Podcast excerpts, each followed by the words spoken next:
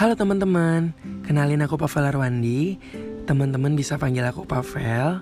Selamat datang di podcast Aku dan Kamu. Kenapa aku milih podcast? Bukan karena hal lagi booming. Sebenarnya aku pengen aja berbagi cerita dan berbagi pengalaman tentang aku sendiri dan juga beberapa teman-teman yang bakal aku undang nantinya ke teman-teman sekalian. Aku pingin teman-teman bisa ngambil nilai-nilai dari apa yang aku bakal bahas sesuai dengan topik-topik yang bakal aku bahas buat teman-teman pastinya. Dan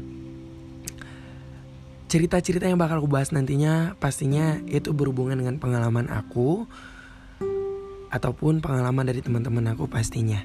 Semoga teman-teman bisa enjoy dan semoga teman-teman bisa senang dengerin cerita-cerita di podcast aku dan semoga teman-teman bisa ngambil manfaat dan nilainya pastinya. Oke, di podcast aku yang pertama ini mungkin aku bakal bahas tentang percintaan pastinya.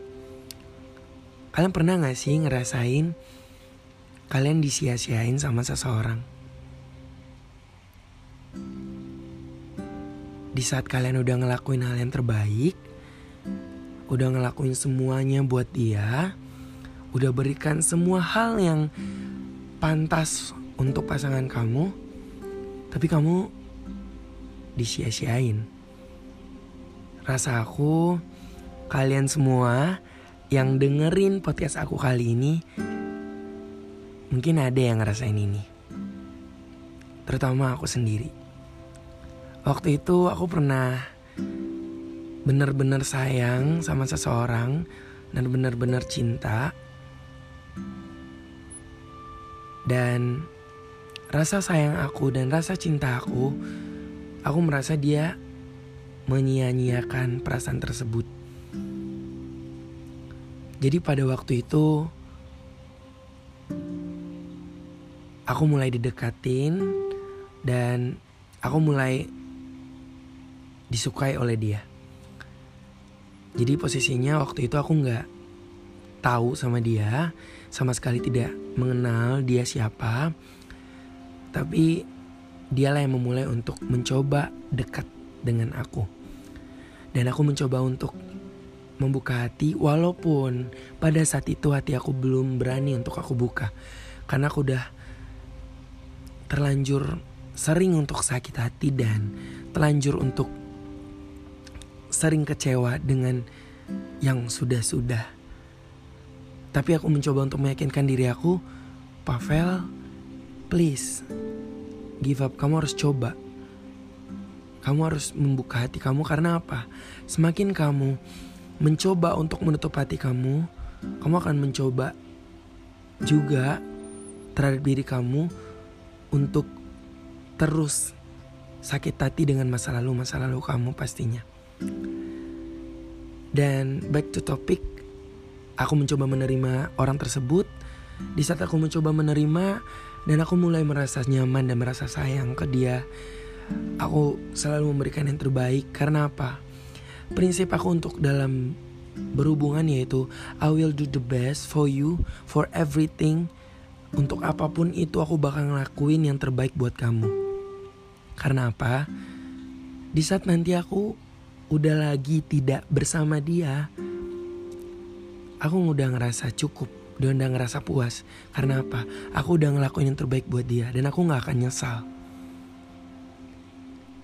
Dan hari-hari berlalu, aku mencoba untuk ngikutin proses yang kita jalanin.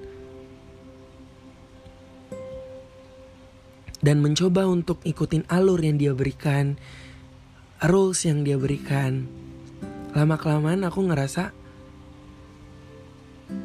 wah ini udah nggak bisa dibawa dalam hubungan. Karena apa? Karena sampai-sampai dia ngelarang aku untuk bersosialisasi sampai-sampai dia udah ngelarang aku untuk berteman. Tapi aku mencoba untuk ngikutin alur dari dia. Aku ikutin mau dia ya lama kelamaan yang namanya kita biasa untuk bersosialisasi atau ber, mempunyai teman, kalau sekali dilarang otomatis kita ngerasa ada sesuatu yang menjanggal di hati kita. Wah, kenapa sampai ke teman-teman aku sendiri aku dilarang gitu loh. Dan lambat per lambat-lambat aku mencoba untuk memahami dan mencoba untuk memberi pengertian, tetapi dia tetap kekeh dengan ego yang dia punya. Dan lama kelamaan aku mencoba untuk wah ini kayaknya nggak bisa nih aku pertahanin. Karena apa? Uh, ini udah play victim banget dan udah toxic banget dalam hubungan. Dan dengan dia mencari cari kesalahan aku yang sampai-sampai pertemanan aku dibahas-bahas kayaknya aku udah nggak mungkin untuk lanjutin. Akhirnya dia memutuskan aku untuk sebagai pasangan dia dan aku merasa wah udah deh nggak apa-apa. Karena apa? Aku udah ngelakuin yang terbaik buat lu. Gue udah ngikutin apa mau kamu sendiri. Aku udah ngikutin apa yang kamu mau. Aku udah ngikutin apa yang kamu suruh sampai titik yang di mana aku ngerasa udah cukup gitu loh dan akhirnya aku ikutin mau dia di saat dia mau lepas aku ikutin oke okay. apakah kamu benar-benar mau ngambil keputusan ini aku bertanya kembali ke dia dan dia jawab iya aku mau udahan oke okay. di saat itu aku merasa udah Pavel cukup karena kamu udah ngelakuin terbaik dan kamu udah pure 100% hampir 100% untuk dia karena kamu udah ngelupain diri kamu dan teman-teman kamu. Kayaknya udah cukup. Dan akhirnya beberapa hari berlalu akhirnya dia datang kembali untuk menanyakan bahwasanya kamu yakin gak mau minta balikan ke aku? Wah, ini hal yang lucu menurut aku. Yang mutusin aku kamu Kenapa kamu tiba-tiba minta balikan lagi ke aku dengan cara kamu nyuruh aku minta balikan? Kayaknya udah deh. Apa kamu nggak puas? Apa kamu udah nggak sadar kalau kamu udah nyanyain orang yang rasanya cukup untuk diri kamu, cukup untuk ngikutin apa kata kamu dibanding orang-orang lain di luar sana. Tapi saat ini di saat kamu udah nyanyain dan buang aku, kamu kembali lagi. Kamu kembali emang untuk apa?